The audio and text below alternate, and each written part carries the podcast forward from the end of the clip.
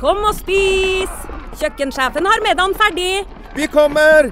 Vi skal bare Åh, det er da så morsomt her på Stiklestad! Ja, men sjøl en god viking må ha både mat og hvile.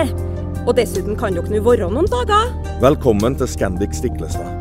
Moderne fasiliteter i historiske omgivelser. Det var her det skjedde. Det er her det skjer.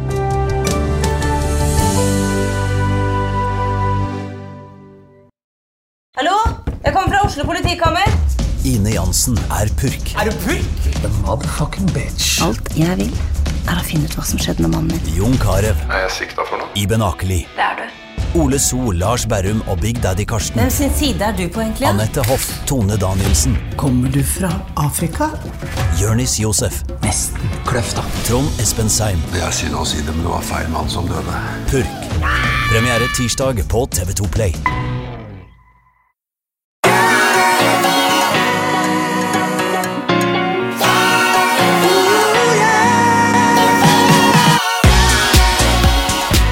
Velkommen til podkasten Hjernesterk.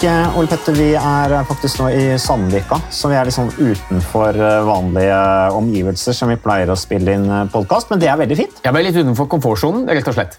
Ja, for det er noe med når det blir nye omgivelser, og det er nye folk og nye lokaler og ny teknikk og alt mulig rart, så får man testa seg litt sånn utafor flytsonen. Eh, Men det er jo bare å slappe av og gjøre det vi pleier å gjøre, så går det bra. Men nå skal vi snakke om eh, Vi har fått mye spørsmål som vi egentlig ikke har tatt eh, all verdens av i det siste, syns jeg. Jeg har litt dårlig samvittighet overfor lytterne våre som er greie med oss og sender inn spørsmål.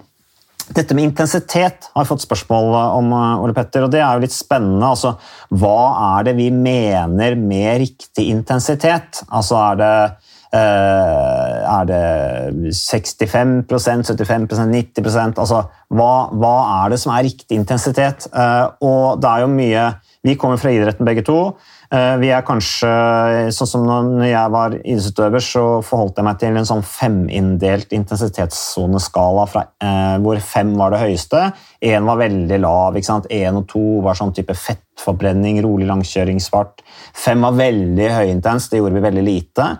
Eh, og så er det jo en del mosjonister som jeg også opplever. liksom, De sier til meg ja, hvordan skal jeg trene? Jeg vil trene effektivt, da bør jeg trene høy intensitet. Eh, Men her er det her er jo så sammensatt. Kan ikke bare si at ja, tren sånn, eller tren sånn. Og så kommer det noen og sier ja, men jeg skal bare trene rolig, fordi at eh, jeg har jo lest at eh, Bjørn Dæhlie og sånn, de trente jo 80% eller 90% rolig. Men her er det liksom Det er ikke noe fasit. Hva, hva skal vi si om det, Ole Petter? Det er et ganske vanskelig spørsmål, og som du sier, det, det er ikke noe fasitsvar. Jeg vil jo aller først si at uh, all trening er bra, ikke sant? så det kommer jo litt an på hva du ønsker å oppnå også. Sånn for folk flest, da, eh, når vi vet at 75% av befolkningen er inaktive, og du skal prøve å bidra og hjelpe noen som har vært inaktive lenge, opp av sofaen og ut, så snakker ikke jeg så veldig mye om intensitetssoner. Det viktigste er å komme seg ut og få beveget seg litt. Samtidig så vet vi jo at det er mange som trener mye og har lyst til å trene optimalt, eller bra, da. Både for helsa, men også kanskje med tanke på prestasjon. Og da er dette med intensitetsstyring viktig. Fordi vi får forskjellige gevinster, litt avhengig av intensiteten vi trener ved. Intensiteten påvirker gevinsten på oksygenopptaket, hvilke effekter det har på hjernen. Og, og ikke minst hvis man ønsker å bli i veldig god form, prestere, så er jo dette med intensitetsstyring helt sentralt. Mm. Men da tror jeg det er én ting man av og til glemmer litt. Man er veldig opptatt av hvilken intensitet som er ideell for å oppnå et visst oksygenopptak, løpe så og så fort. Men vi må jo se på hele summen. Og jeg tror jo, eh, hvert fall min erfaring er at mange av de som trener mye og har lyst til å komme i god form, så er det litt fort gjort at man ikke skiller så mye på intensiteten. At de aller fleste øktene kanskje går i litt høy intensitet. Kanskje ikke høy nok til å få den optimale gevinsten, men samtidig litt for hardt til at det blir restitusjon og hvile imellom. Så jeg tror den der variasjonen er ekstremt viktig. Altså at Hvis du ønsker å gjøre noe som er superbra for helsa di, kanskje til og med prestere, så er det viktig å skille mellom de øktene som bør være rolige. De må være rolige. Og de som bør være harde, de skal være harde. Sånn at det ikke blir sånn det jeg kaller suppetrening, hvor alt går i en kanskje litt for høy intensitet. Lapskaus. Lapskaus, For da får du ikke restituert deg med de rolige øktene, og så får du ikke den beste effekten du kan få ved de harde øktene. Når det er sagt, da, så, så deler vi jo ofte intensitetssoner inn Det kan gjøres på mange forskjellige måter. Du Mm. Du nevnte nevnte den fem. femsonersinndelingen. Det er jo gjerne Olympiatoppens inndeling. Ja. Og Den er da sone 1 til sone 5, og jo høyere opp i sone, jo høyere puls har du. Og Alt dette tar jo utgangspunkt i makspulsen din. ja. Og, og Den er det jo mange som ikke vet om, og det går jo an å teste dette. selvfølgelig. Man kan gjøre det selv med pulsklokke, gå inn på nett og finne sånne testregime for å prøve å nå din makspuls. Eh, Man kan selvfølgelig estimere den også, da blir det litt unøyaktig, men en sånn tommelfingerregel, hvor det er riktignok litt store avvik, det er jo at du tar 220 minus alderen din. Så jeg som er litt over 50, jeg har da, bør ha en makspuls på 170, som ikke er så langt unna det jeg har. Så, så du, det er greit å ha et estimat av makspulsen din.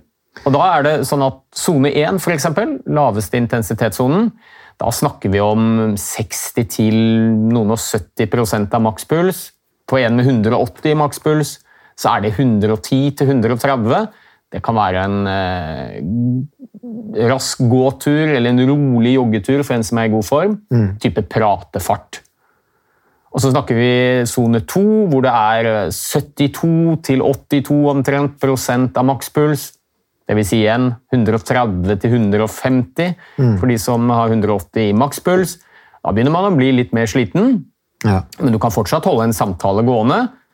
Og så begynner vi å snakke sone 3, som da er eh, 80 til nesten 90% av makspuls. Sone 4, 87 til 92.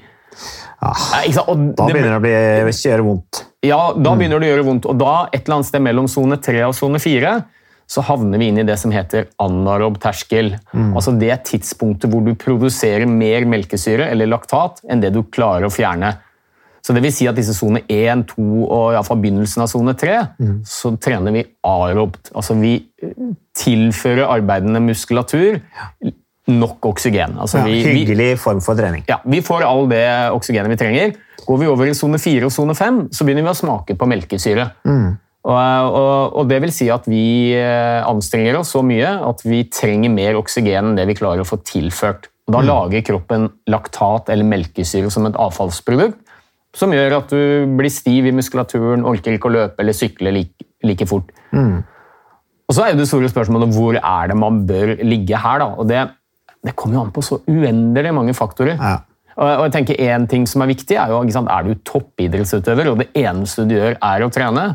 Eller er det sånn at du har full jobb og barn og sniker deg inn med noen treningsøkter innimellom? Ja, også grunnlaget ditt, da. Ja, Totalbelastningen eh, er viktig.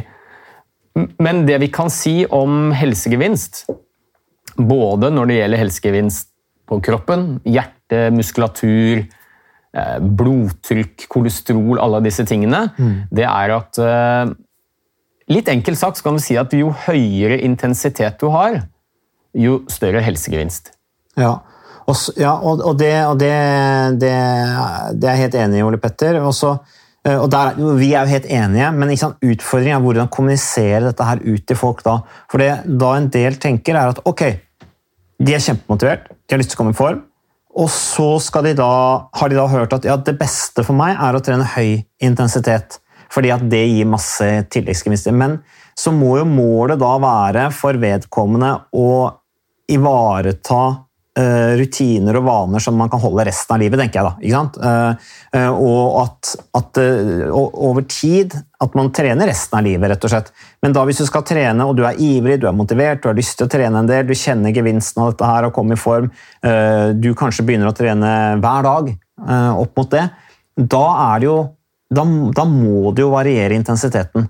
For ellers så hoper jo da all, alle disse trettestoffene, melkesyra, seg opp i muskulaturen, og så blir det så tungt at du ikke orker å bevege deg mer. Ja, da, og eh, Det er jo et veldig viktig poeng her. Når jeg sier at helsegevinsten øker med intensiteten, så betyr ikke det at all treningen skal være høy intensitet, men man bør ha noe innslag av det. Hvis man er opptatt av å få best mulig helse, og prestasjon også. Så det vil jo for eksempel for en toppidrettsutøver eller en som virkelig vil prestere, så kan det handle om at du kanskje har La oss si du trener hver dag, da, syv dager i uka.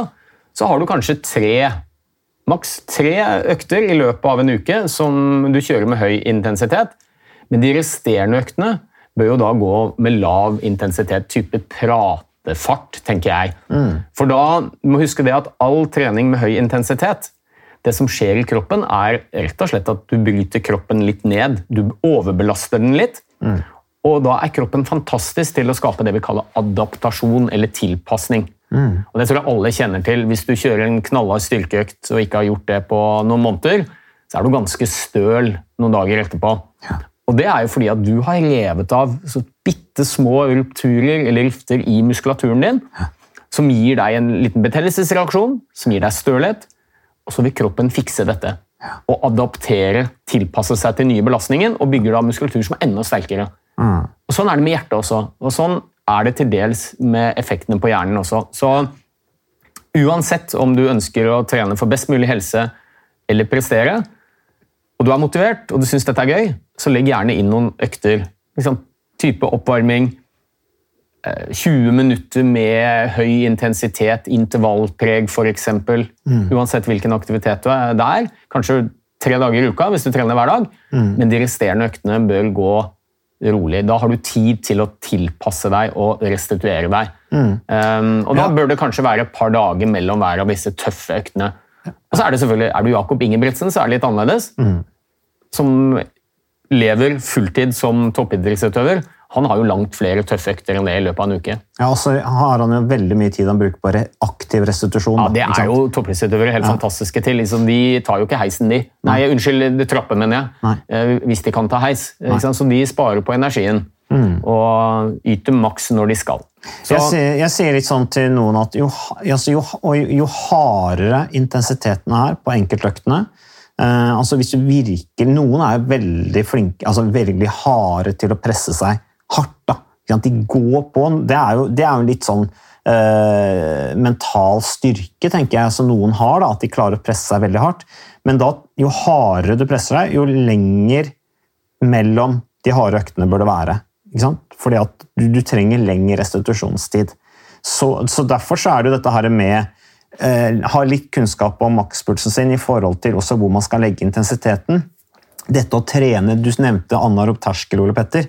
Dette å trene litt på og litt under, akkurat under melkesyregrensa, er gjerne en ganske sånn ideell måte å forbedre formen på. At man ikke skal tenke at man skal ta i sånn at du spyr nei, du, og blir liggende. ikke sant? og jeg får jo veldig mye spørsmål fra folk som eh, ikke ønsker å prestere, men som har fokus på helse. Og, Du tar jo opp et viktig poeng her. altså Disse virkelig knallharde øktene hvor man føler man ser mannen med ljåen, de er tøffe både fysisk og mentalt. Ja. Og det er ikke alle som orker sånne økter over tid.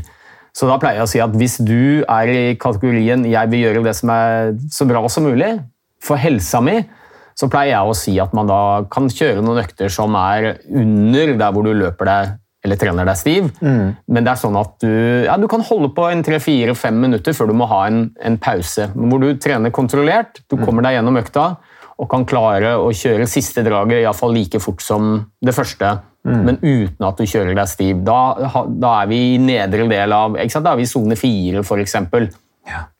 Eh, og da, da får du en formidabel gevinst på oksygenopptaket. Jeg tenker at Det er først hvis du har et ønske om å prestere? Løpe fort, sykle fort, være med i konkurranser, at vi bør bevege oss noe særlig opp i sone fem.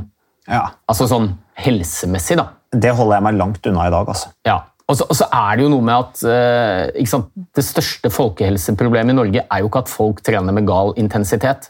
Jo, men Vi leser masse om det, og det er sånn som gjør meg litt Jeg blir litt oppgitt da, når, hvis jeg har folkehelsehatten på, når det er treningsspesialister. Det er store oppslag i avisen hvor det står at eh, syv av ti nordmenn trener ikke, men mange av de som trener, trener feil. Ja. Så ble jeg sånn, Dette hjelper jo ikke i det hele tatt. Altså, det kan være akademisk interessant, og, sånn som vi holder på nå, og flisespikke på hvilken intensitetssone du skal være i.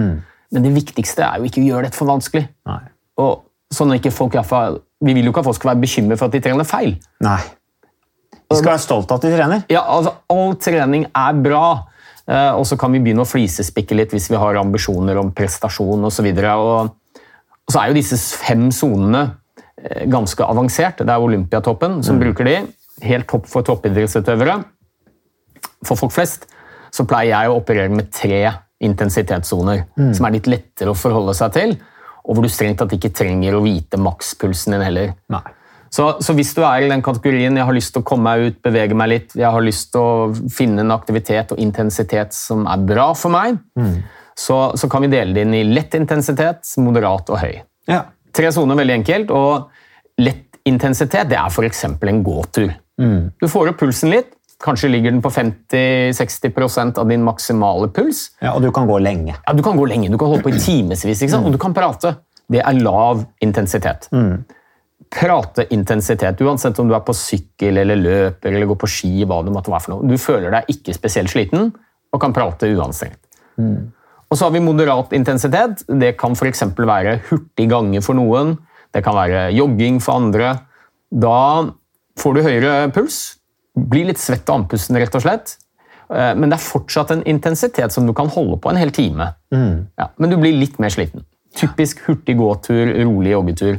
Ja, Du kjenner at du har liksom vært ute og trent litt hardere. da. Ja, og så er det høy intensitet, hvor du får mye raskere pust, blir mer andpusten, høyere puls. Da snakker vi om et eller annet sted fra 75% opp mot 100 av makspuls. Og det er en sånn type intervalltrening. To minutter, tre minutter til fem minutter, for eksempel, og så må du ha en liten pause. Men du klarer det kontrollert. Du løper deg ikke stiv.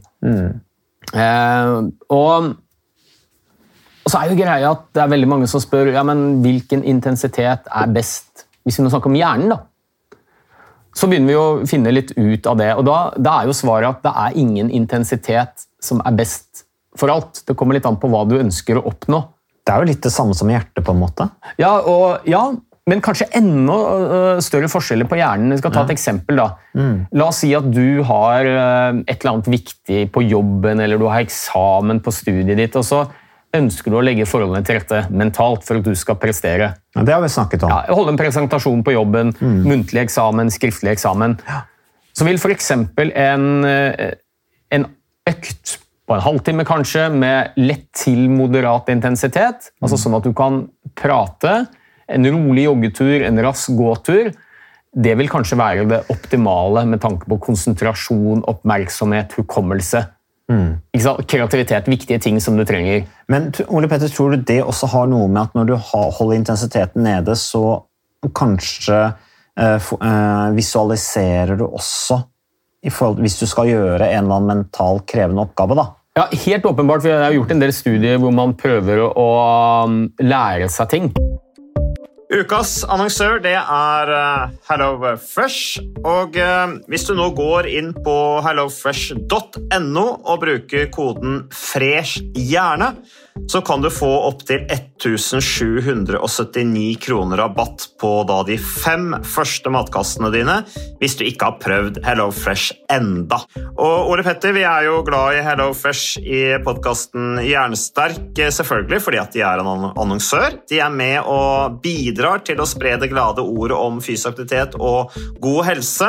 Men i tillegg så har jo vi også nå lang erfaring med HelloFresh Fresh selv. Så vi må jo si at det har vært gode erfaringer til nå. Ja, absolutt. Visste du, Mats, at HelloFresh det er faktisk verdens ledende matkasseleverandør? Og tilbudene til HelloFresh gjør det enkelt å lage gode og varierte retter som skaper matglede. Og matglede vet du, det er like viktig som hva du putter i munnen. Det å spise mat med folk du trives med.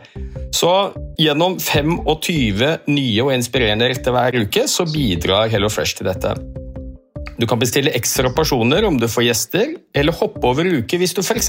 skal bort. Og Det er ingen bindingstid, og du velger leveringstidspunkt og dag selv, så leverer HelloFresh matkassen din akkurat når det passer deg. Ikke dårlig, Mats. Nei, det er veldig bra. Så, øh, og dette er med enklere hverdag, det kan jeg nå skrive under på. For nå, forrige erfaring vi hadde forrige uke, Ole Petter, det syns jeg var Det var jo et gjennombrudd øh, for familien Kaggestad. For da lagde rett og slett barna De lagde middag og serverte middagen, så den var ferdig laget og servert da når eh, min kone Marita og meg kom hjem fra jobb. Og jeg mener Det var jo bare helt utrolig. Eh, Det var helt fantastisk. Det ble en nydelig middag. Riktignok de, de, de, de roter og søler litt, det gjør de. Så, men, men maten ble veldig god. De var veldig stolte over å kunne ha både laget og servert maten, så det var helt fantastisk. Så vi har jo da i det siste så har vi eh, spist eh, bl.a. sitron- og dillstekt hyse med ovnsbakte grønnsaker og aioli. Eh, Vi har spist middelhavsinspirert kylling. Taco, så finnes det mange ulike typer taco. F.eks. vietnamesisk taco, som vi har spist. Thailandsk vegetargryte. Veldig riktig og sunt eh, i dagens eh, samfunn med, med fokus på bærekraft. Hvitløk og chilistekte reker i spagetti, det var definitivt en vinner.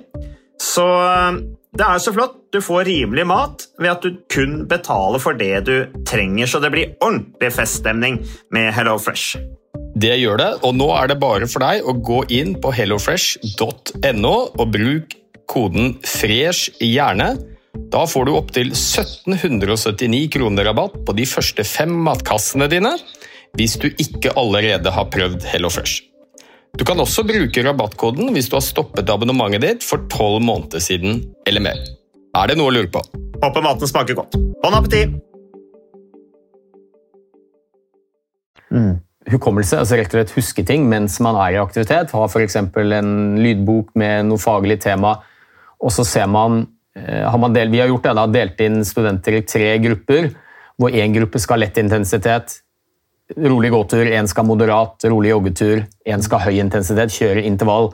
Og Så har man denne faglige podkasten på øret mens man gjør det, og så tester vi det etterpå. Hvor mye husker de av det de har hørt? Og Da er det helt klart lett til moderat intensitet som scorer høyest. Og Det tror vi er fordi at eh, når intensiteten er lett til moderat, så øker blodsirkulasjonen til hjernen ganske betydelig. Men hjernen din bruker fortsatt relativt lite energi på selve aktiviteten. Mm. Så den har mye frigjort kapasitet til å huske. Mens kjører du med høy intensitet, beinhard intervall, så går så mye av din mentale kapasitet til å fokusere, holde deg motivert, holde deg i gang. Altså, det er mye med muskelbevegelse også, som hjernen styrer med. ikke sant? Sånn at da er det vanskeligere å huske. Ja, ikke sant? Så med andre ord, hvis du har et ønske om å ha god konsentrasjon, oppmerksomhet, hukommelse like etter en treningsøkt, så bør den ikke gå for hardt. Men samtidig, Ole Petter, det der med høy intensitet, melkesyre, altså laktat, det er allikevel bra for hjernen, er det ikke sånn? Jo, og så kommer vi til et annet punkt, og det er jo at hvis du skal ha mer sånn varige effekter på hjernehelsen din, det er jo det hjernesterk eh, primært handler om, Tross alt. F.eks. at du har varig bedre hukommelse, konsentrasjon, oppmerksomhet. Nå snakker vi om mer disse kroniske effektene, i motsetning til de akutte som kommer med en gang etterpå. Mm. Så skal du ha en rask innsettende gevinst, f.eks. på et møte eller eksamen, lett til moderat intensitet. Skal du ha vedvarende endringer over tid, så, så ser vi at innslag av høy intensitet er viktig. F.eks. hvis du ønsker å forebygge depresjon, forebygge Alzheimers sykdom, behandle depresjon, en del av disse hjernetilstandene som vi vet trening er effektiv mot, så bør man ha noe innslag av høy intensitet. Og det tror vi handler om melkesyre. Ja. Og melkesyre det er sånn som jeg sa det at um, når du går over fra moderat til høy intensitet, eller sone 3-4 på den Olympiatoppskalaen, så går vi over i anarob fase. Dvs. Si at vi bruker mer oksygen enn det vi kan tilføre. Da lager vi melkesyre. Ja. Men det er viktig å huske at vi lager en del melkesyre på lavere intensitet også. Ja. Det er bare det at vi klarer å fjerne den. Ja? Altså, eller, eller vi klarer ut. å buffre den, heter det. Vi har nøytraliserende stoffer i blodet. Sånn at det er ikke sånn at du må trene sånn at du ser mannen med ljåen for å produsere melkesyre. Nei. Vi gjør det på moderat intensitet også. Det er en god nyhet, da. Men du lager mer når det er høy intensitet. Jo, Så det vi tror, er at øh, denne laktaten Dette tror jeg vi har snakket litt om, men det kan være greit å gjenta. Det er avanserte greier. Ja, Dette er jo forskning på høyt nivå som er gjort av eh, forskere ved Universitetet i Oslo, annet. En som heter Linda Bergersen, som er professor der. Som viser at det vi tror er litt av kjernen til de langsiktige hjernegevinstene, konsentrasjon, oppmerksomhet, hukommelse, redusert risiko for sykdom senere i livet, Takle stress òg, eller? ja, det kan handle om laktat. Altså rett og slett at Det laktatet vi lager når vi trener, det er ikke bare et avfallsstoff. Det er et viktig næringssubstrat for hjernen vår. Og når eh, laktatet kommer inn til hjernen, så skjer det en rekke kjemiske reaksjoner med laktat som gjør at vi ender opp med å lage en del vekstfaktorer. Ja, for Det er litt interessant du sier det, Ole Petter, for Vi tenker på melkesylaktat som et avfallsstoff som skal ut av Ja. muskulaturen. Ja, ja. Som, som topp, når du har toppisbrillene på, så er det på en måte, det, det, det, skal, vi, det skal vi eh, på en måte eh, lage eller u- eh, produsere, og så skal vi få det ut av kroppen sånn at vi er klar til Ja, ja, alle- og klar til ny økt. Men når vi snakker om hjernehelse, da er det et næringsstoff, et slags gjødsel. Ja, altså vi tenker, Alle som er toppidrettsutøvere, tenker på laktat som fienden. Det er jo det som bremser eh, prestasjonen din, selvfølgelig, når du begynner å komme opp i høy intensitet. Det er jo- derfor utøvere doper seg med EPO òg. Ja, for da flyttes den anarobe Ja, terskelen. Liksom. Da kan du trene og løpe fortere, sykle fortere, uten å lage så mye, så mye melkesyre. Men som mosjonist, hvis man er opptatt av hjernehelse, så skal vi omfavne og ønske laktat velkommen. For det som skjer, tror vi da, det er at når laktaten går inn til hjernen, så skjer alle disse kaskadereaksjonene, og så ender vi opp med flere vekstfaktorer. Det ene det heter BDNF, Brain Derived Neurotrophic Factor. Pleier å kalle det hjernes gjødsel. Og så er det noe som heter VEGF1, Vascular Endothelial Growth Factor, nummer én. Ja, den husker ikke jeg. Og så er altså. det noe som heter insulin-like growth factor. Altså Ja. tre vektstoffer. da. Og disse vektstoffene de gjør noe ganske magisk med hjernen. Blant annet så er de med på å lage flere kontaktpunkter mellom nervecellene. Det vi kaller synapser. Som er hjørnesteinen for all hjernefunksjon. Det er jo, jo flere kontaktpunkter mellom nervecellene, jo bedre kan de kommunisere, jo bedre blir hjernefunksjonen vår. Nervecellene blir også mer robuste. De tåler mer, de dør ikke så lett, så vi kan bremse måte, aldersbetinget forfall. Ok, Så det er en slags sånn rustning, altså? på en måte. Ja, og vi vet jo det at fra vi er 25 år gamle cirka, så taper vi sannsynligvis flere tusen nerveceller hver dag. Så legger vi ikke merke til det i praksis før vi begynner å bli godt voksne. Da svekkes hukommelsen litt, konsentrasjon og oppmerksomhet. Så det kan vi bremse. Og det vet vi at de som trener regelmessig, de bremser aldersforfallet i hjernen. Det er skummelt når du snakker om det du gjør nå. for Jeg husker, altså, jeg bare merker sjøl på utholdenheten i forhold til å lese med alderen. Det kan selvfølgelig ha noe med totalbelastning å gjøre, at du har barn ikke sant, og sånne ting. Men før leste jeg mye mer bøker. Men det kan jo selvfølgelig ha noe med at da var jeg Jeg hadde ikke barn, jeg var profesjonell syklist. eh, men, men kan det også ha noe med liksom den belastningen jeg utsatte kroppen for med all melkesyre og laktaten og dette her? At du derfor fungerte bedre sånn Ja, altså jeg, At jeg hadde mer leseutholdenhet, blant annet. Ja, men du leste mer før, gjorde du ikke det? Ja, jeg leste mye mer før. Og- Bøker, blant annet. Ja, sant? og Da er vi over et annet prinsipp som er veldig viktig for hjernen. og Det handler om det der vi kaller use it og lose it. At de områdene av hjernen du bruker ofte, f.eks. lese bøker, ting som krever hukommelse, studerer osv., jo mer disse hjerneområdene brukes, jo mer styrkes de. Mens hvis du ikke bruker de så ofte, så svekkes de litt i, i funksjon. Og det er jo veldig mye snakk om eh, når vi snakker om hjernetrening. Hvis du googler det, så vil du få opp sudoku og kryssord og quizer og sånne kognitive hjerneøvelser. Og de er bra, Ja. for da bruker du områder av hjernen som styrkes. Men hvis du bruker masse tid på å øve på kryssord, Så blir du god på så kryssord. blir du god på kryssord. Ja. Mens det å trene og være i fysisk aktivitet, Mm. det bedrer blodsirkulasjonen til hele hjernen og aktiverer kjempestore områder. Så det er enda mer effektivt. Da får du mer globale effekter. Og før jeg mistet tråden, tenkte jeg bare skulle si at jeg sa vel at det var tre ting som skjedde i hjernen med disse kjemiske stoffene. Det ene var at eh, det blir flere kontaktpunkter mellom nervecellene, så de snakker bedre sammen. Hjernecellene blir mer robuste. Og så kan vi riktignok i begrenset omfang, men lage nye nerveceller i hjernen når vi trener. Og det tror vi skyldes laktat. Og så var det de, siste, de to siste stoffene. Dette Vascular Endothelial Growth Factor, VEGF1. Det lager nye blodårer, kapillærer i hjernen, så du får sant. enda større blod... eh, Og med blodårene kommer oksygenet. og så kommer oksygenet. Så, men litt tilbake til det laktat, da, hvorfor vi tror det er sånn. For de som er litt interessert i nerdet science, men som har faktisk en ganske stor implikasjon for oss som trener, og kan si noe om hvorfor vi får de gevinstene vi gjør, så var det den gruppen til Linda Bergersen. De, de gjorde noe veldig spesielt. De tok eh, rotter. Og det er enkelt å jobbe med rotter. De er Ja, kontrollerbare. Ja. Jo, og det som er litt fint med å jobbe med forsøksdyr, det er jo at du kan isolere effekten av én intervensjon, f.eks. trening. For rottenes liv har man jo full kontroll over. Det er vi som mater dem, det er vi som styrer alt, så vi har full kontroll på alle parametrene i livene deres. Hos mennesker så lever jo vi komplekse liv hvor det er uendelig mange faktorer som kan påvirke helsa vår. Så hvis du har to grupper med mennesker som skal trene, en med høy intensitet og en med lav, og så skal du finne ut hva som er mest effektivt, så kan det være mange forstyrrende elementer. inni. Kanskje er det de som trener hardest, som også spiser sunnest. Eller røyker minst. Altså, ja. Men iallfall, det de gjorde, da, var at de tok uh, rotter og mus, og så fikk de det til å trene. Ja. I syv uker. Ja, og Syv uker er ganske lenge Ja, ja. eh, i et rotteliv. Det er mange måneder av et menneskeliv. Så de trente intervall, disse rottene. Ja. Ja. Kontrollert.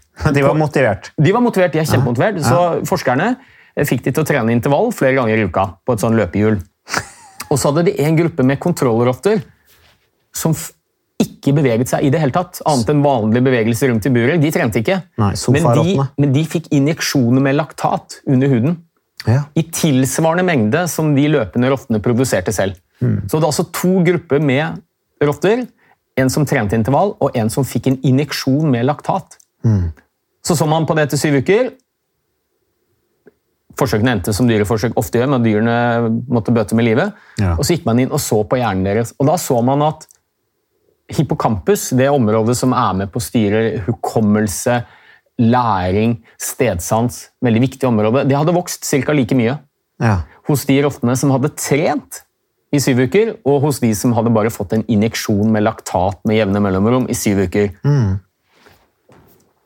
Så, og så Det som var liksom, eh, prikken over i-en her da, i dette forsøket, var at de også hadde noen genetisk modifiserte rotter og mus.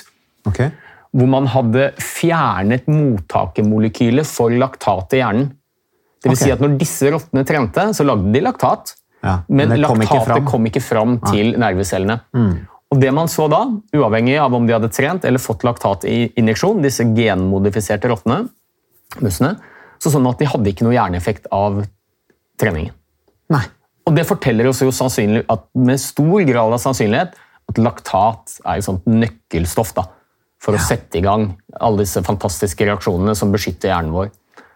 Så ja, vi tror eh, laktat er viktig, så for å få den største hjernegevinsten, så er det lurt å trene noen ganger i uka, sånn at du lager litt melkesyre.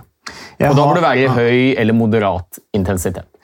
Det hender jeg har spinningtimer eh, for disse bedriftskundene. eh, og Da tar vi, kjører vi en del intervaller, selvfølgelig, og det er vondt, det er smertefullt. Eh, Og Da bruker jeg alltid det, at melkesyre er bra for oss. Altså Det er bra for hjernen. Og Du snakket om dette med lesing, var inne på dette med leseutholdenhet. og sånne ting. Jeg merker jo stor forskjell på leseutholdenheten etter trening enn før trening. Ja, ja. Noe helt annet, og det er derfor jeg også ønsker gjerne sånn ideelt sett hvis jeg skal gjøre noe, eh, enten vi skal møtes og ha podkast, eller vi skal eh, holde foredrag, eller hva det måtte hvis vi skal prestere sånn mentalt, da, at jeg helst skal ha trent først. For det gjør noe med, med hjernen. Du blir mer våken. eh, og alle disse funksjonene, altså alle disse effektene du snakker om, Ole Petter, som, som ikke er noe Det er ikke bare en følelse, det er faktisk noe som skjer, som gjør at du, du blir mer mentalt utholdende. Ja, så jeg tenker nå at Hvis man skal gi en sånn generelt råd, hvis man er opptatt av hjernehelsa si, hjernefunksjoner, det er vi jo selvfølgelig alle sammen, så er det å ha en kombinasjon av noe trening, eh, aktivitet som har lav, eh, lav intensitet, kan være rolig, kanskje spesielt hvis du skal prestere hjernemessig eller kognitivt på jobb eller på skole, og så ha noen økter hvor du eh, kjører på litt i moderat til høy intensitet, sånn at du får den laktateffekten. Ja, og så bare helt til slutt, Ole Petter. eh, Jo mer du trener, jo mer rolig bør du trene. For altså, hvis du skal trene masse på veldig høy intensitet, så er det ikke sikkert du orker å gjøre det så veldig lenge. Og så tror jeg rett og slett bare at du bruker tomfingerregelen. Kjenn på følelsen. Altså, er du mosjonist? Det er ingen grunn til å skulle presse deg veldig på en dag hvor du føler deg tung og ikke har lyst til å ta i så mye. Og dette her også at du trenger ikke å presse deg opp på maks Det holder å presse opp mot anarob-terskel. Bruk gjerne litt tid, bruk de første intervallene kom litt i gang. Så vil man etter hvert føle seg bedre, sånn som vi snakket om i en podkast også. At dette her, hva som skjer med kroppen din når du kommer i gang med fysisk aktivitet. Blodårer som åpner seg opp, Ja, ja. og alt dette her. Ja, og så tenker jeg at Hvis du har sett på noen eh, toppidrettsutøvere, noen av de beste vi har, f.eks. skiløperne eh, Therese Johaug hun trener jo masse. ikke sant? Det er jo godt over jeg vet ikke hvor mange timer de har i uka, ja, men det er sikkert uh, iallfall et par timer om dagen i snitt, vil jeg tro. Ja. Minst. Veldig mye av den treningen går med rolig intensitet. Og jeg har jo noen som har vært med disse skilandslaget, altså litt sånn hobbymosjonister, da, som skal være med skilandslaget når de er ute på rolige turer. Og de syns jo det går sakte, for de tenker jo at her er det toppidrettsutøvere, her er det bånn pinne, men veldig mye av treningen går rolig. Så det tror jeg det er de eksepsjonelt gode på. Skille mellom de øktene som skal være rolig. De er rolige, de. Og så gønner de på når det skal være litt hardt. Så det, det tror jeg er lurt. Og så er det en annen ting som jeg er litt opptatt av, og det er, som jeg pleier å si, og som kanskje kan være litt motiverende. Vi syns jo alle at det er slitsomt å trene hardt. Altså Når du er midt inne i en intervalløkt, så gjør det vondt. Ja, ja, det svir. Eh, og Det oppsummeres jo ganske godt av en jeg snakket med, som sa det at jeg liker egentlig ikke å trene, men jeg liker å ha trent. Ja. Så jeg pleier å si det beste med en intervalløkt, det er jo når den er ferdig. Ja. Og, og nå lever vi jo i et sånt samfunn hvor jeg i hvert fall opplever at spesielt yngre mennesker, altså barn og unge altså Jeg har jo en, en del sånne fotballgutter som jeg følger opp. og Nå snakker vi om gutter som er 10-11-12 år, og kanskje litt eldre også. Og de har aldri vært skikkelig slitne i sitt liv. Nei. Altså det er som vi kjører eh, stafett eller et eller annet sånn intervallpreget da, på en sånn all- allidrett, og så er de helt sånn Så vondt har jeg aldri hatt det. Jeg har ikke vært i nærheten av så sliten noen gang.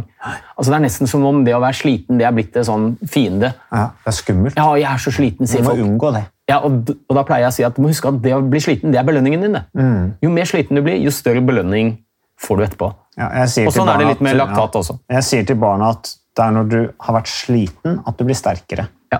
Enkelt og greit. Ja, og Det er ikke bare en klisjé, det er jo faktisk det som skjer. Eh, jo hardere du trener, jo mer kortvarig bryter du kroppen ned, og så bygges den opp igjen til å bli enda sterkere. Derfor Kalles er- adaptasjon. Helt fantastisk prinsipp. Derfor er det så viktig å innimellom, eller regelmessig, være litt skikkelig sliten. Både fysisk og mentalt, for da blir du sterkere etterpå. Ja, og så har jeg bare lyst til å si, som jeg pleier å si til det kjedsommelige, kanskje, bruk gjerne tid på å prøve å pønske ut hva som er den beste treningsformen og opplegget for deg. Men ikke bruk altfor mye tid på det. Ikke, ikke la det perfekte bli den godes fiende. For jo mer avansert og akademisk du lager disse oppleggene dine, jo mindre sannsynlighet er det for at du faktisk får gjennomført dem.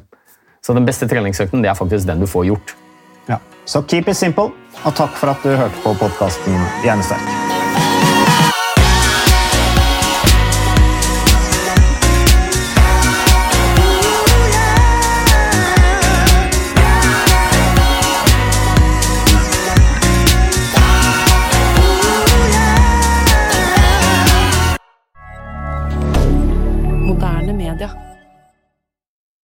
Har du et enkeltpersonforetak eller en liten bedrift? Da er du sikkert lei av å høre meg snakke om hvor enkelt det er med kvitteringer og bilag i fiken, så vi eh, gir oss her, vi. Fordi vi liker enkelt. Fiken superenkelt regnskap.